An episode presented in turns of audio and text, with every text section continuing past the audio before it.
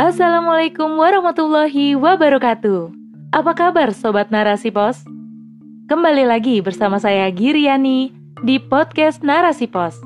Narasipos.com Cerdas dalam literasi media, bijak menangkap peristiwa kunci. Rubrik Opini. Pendekatan militer gagal, dialog dilancarkan Papua, butuh solusi mengakar, bukan parsial. Oleh Dia Dwi Arista. Persoalan Papua sudah bertunas pada awal sejarah pembentukannya. Belanda yang masih menginginkan Papua sebagai jajahannya menuntut Indonesia membawa persoalan Papua ke ranah internasional hingga akhirnya United Nations Temporary Executive Authority dibentuk dalam perjanjian New York pada 15 Agustus 1962. Dalam perjanjian ini, Papua akan kembali ke pangkuan Nusantara jika Indonesia melakukan pepera atau penentuan pendapat rakyat. Beruntung, 1025 rakyat Papua masih ingin berada dalam buayan Nusantara pada 19 Desember 1969, ketok palu PBB pun memutuskan bahwa Papua masih menjadi bagian dari Indonesia. Sayangnya, konflik demi konflik terjadi di tanah Cendrawasih. Bahkan hingga kini, konflik semakin tak terlihat muaranya. Ratusan nyawa, baik dari TNI, rakyat sipil maupun separatis Papua, telah tewas akibat perselisihan yang tiada akhir.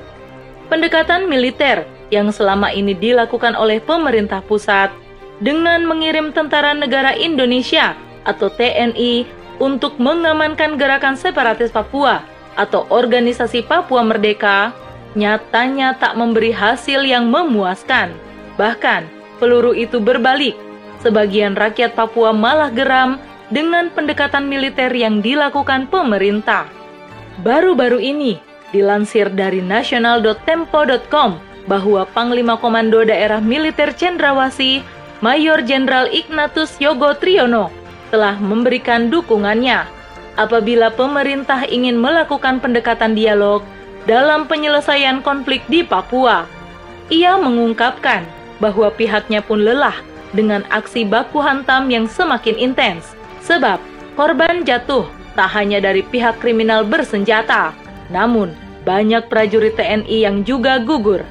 Ia menganggap bahwa persoalan Papua sesungguhnya bukan masalah keamanan, namun akar masalahnya adalah kesejahteraan. Dengan demikian, lantas, benarkah dialog dapat menjadi jalan pintas terselesaikannya persoalan di Papua? Ketika kita tarik sejarah dialog pemerintah dengan Papua, akan kita dapati bahwa dialog sudah sering dilakukan oleh pemerintah pusat dengan perwakilan rakyat Papua. Pada era Presiden Abdurrahman Wahid atau Gus Dur pada 30 Desember 1999, dialog dilakukan. Beliau mendengar keluh kesah perwakilan berbagai tokoh di Papua. Tak ketinggalan, OPM pun juga ikut serta dalam dialog tersebut. Hasil yang paling terkenal dari dialog tersebut adalah perubahan nama Irian Jaya menjadi Papua. Sayangnya, konflik masih terjadi meski telah terjadi dialog dengan orang nomor satu kala itu. Demikian pula pada era pemerintahan Joko Widodo. Presiden Jokowi juga pernah mengadakan sesi dialog dengan perwakilan tokoh rakyat Papua.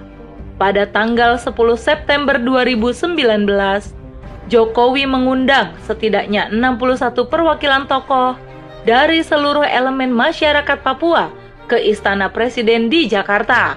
Namun, menurut Yan Christian Warinusi, pegiat hak asasi di Papua mengatakan bahwa tokoh yang diundang oleh Jokowi adalah tokoh-tokoh yang pro pemerintah. Ia menambahkan, seharusnya tokoh yang kontra dengan pemerintah juga diundang untuk mendengar keinginan mereka karena mereka juga anak bangsa yang harus didengar suaranya agar perdamaian segera terlaksana. Hasil dari pertemuan tersebut adalah 10 aspirasi. Sayangnya, menurut Yan, 10 aspirasi tersebut tidak menyentuh akar persoalan di Papua. Hingga sampai saat ini, Papua masih bergejolak. Dialog kali ini, yang disebut sebagai Dialog Jakarta-Papua pun, masih belum menemukan titik terang. Apa saja yang dibahas, siapa yang hadir, hingga tujuan yang hendak dicapai masih dalam rumusan. Sejatinya, tuntutan masyarakat Papua hanyalah pengakuan dan kesejahteraan. Pulau paling timur ini merasa terasing sebagai bangsa Indonesia. Tak jarang, banyak tokoh Papua mengatakan bahwa Papua merasa dianaktirikan. Pernyataan ini sejalan dengan pendapat anggota DPR Komisi 1 dari fraksi PKS, Sukamta. Beliau berpendapat bahwa akar permasalahan Papua adalah rasialisme dan diskriminasi yang terjadi pada rakyat Papua, pelanggaran hak asasi manusia, pembangunan yang belum berhasil menyejahterakan masyarakat, juga status dan sejarah Papua itu sendiri. Rakyat Papua adalah pemilik dari kekayaan sumber daya alam, namun kekayaan itu tak dapat dinikmati oleh warga. Segala mineral yang tertanam di dalam tanah, hasil bumi yang melimpah, juga kondisi alam yang menjadi titik pariwisata mancanegara, nyatanya tak dapat mengentaskan Papua dari kemiskinan, sebab mereka bukanlah penguasa dari tanahnya, namun para kapitalis, baik lokal maupun internasional. Kemiskinan yang terjadi di Papua bukanlah disebabkan karena keterbelakangan yang selama ini digaungkan, namun kemiskinan sistematik akibat tata kelola kapitalistik sumber daya alam yang harusnya menjadi hak rakyat harus rela dijarah atas nama investasi. Kapitalisme yang tak mengenal hak milik terus menggerus kekayaan yang melimpah di bumi cendrawasih. Sedangkan hal sebaliknya malah terjadi pada pemilik sahnya. Kemiskinan dan keterbelakangan akhirnya memantik percikan rasa hingga bergejolak menuntut keadilan. Kemiskinan ini menurut databox.katadata.co.id di Papua merupakan nomor satu di Indonesia. Sekitar 920 ribu jiwa atau 26,86 persen hidup dalam kekurangan. Sedangkan Papua Barat, mereka mempunyai sekitar 21,84 persen warga yang berada pada garis kemiskinan. Pembangunan pun dinilai lebih bermanfaat bagi para kapitalis daripada rakyat Papua sendiri, sebab masih banyak rakyat yang belum bisa mengakses pendidikan dan kesehatan. Bahkan, di sana masih terdapat suku yang tak tersentuh peradaban. Puluhan tahun rakyat hanya mendengar bahwa tanahnya mengandung emas, namun untuk menikmatinya jauh panggang dari api. Hal ini juga diperparah dengan janji-janji yang diberikan para penguasa negeri yang dianggap berserakan, tak bisa dikumpulkan kebenarannya yang awalnya memupuk angan masyarakat Papua akan kesejahteraan, namun angan hanya tinggallah angan saja. Janji itu hingga kini tak tersampaikan. Bahkan otsus atau otonomi khusus yang diberlakukan pada tahun 2001 yang saat ini berjalan 20 tahun tak menancapkan bekas yang berarti.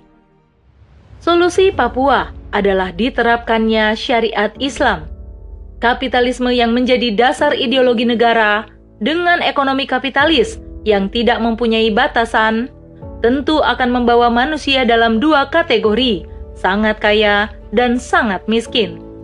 Dua pilihan ini yang akan selalu terjadi di belahan dunia mana pun ketika ekonomi kapitalis yang diterapkan. Meski kaya dan miskin adalah kode Allah, namun kesejahteraan harus tetap ada pada kelompok mana pun. Inilah yang tidak dimiliki kapitalis saat ini.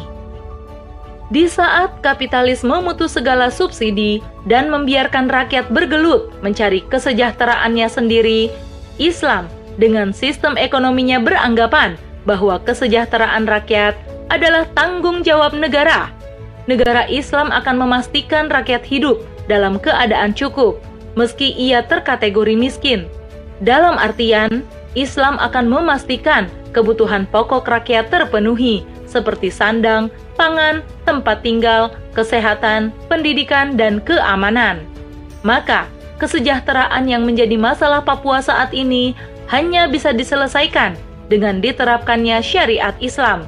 Sebab tanah Papua yang bergelimang emas dan tambang lainnya akan dikelola oleh negara, dengan hasilnya dikembalikan untuk kesejahteraan rakyat. Selain itu, pengelolaan mandiri juga akan membutuhkan banyak tenaga kerja. Hal ini dapat menjadi solusi persoalan pengangguran yang sering dijumpai dalam sistem kapitalisme. Pembangunan merata, pendidikan dan kesehatan pun dapat terwujud saat hasil tambang dikembalikan untuk kepentingan rakyat. Karena tambang merupakan salah satu hal yang menjadi hak rakyat, sebagaimana sabda Rasulullah Shallallahu Alaihi Wasallam yang diriwayatkan oleh Ibnu Majah. Kaum Muslim berserikat dalam tiga hal: air, padang rumput, dan api atau tambang, dan harganya adalah haram. Dengan dalil ini, maka haram hukumnya tambang dijadikan sebagai lahan investasi bagi swasta, baik lokal maupun internasional dan sepantasnya negara yang mengelola segala sumber daya alam dengan hasilnya dikembalikan untuk kemaslahatan rakyat sendiri. Wallahu a'lam bisawab.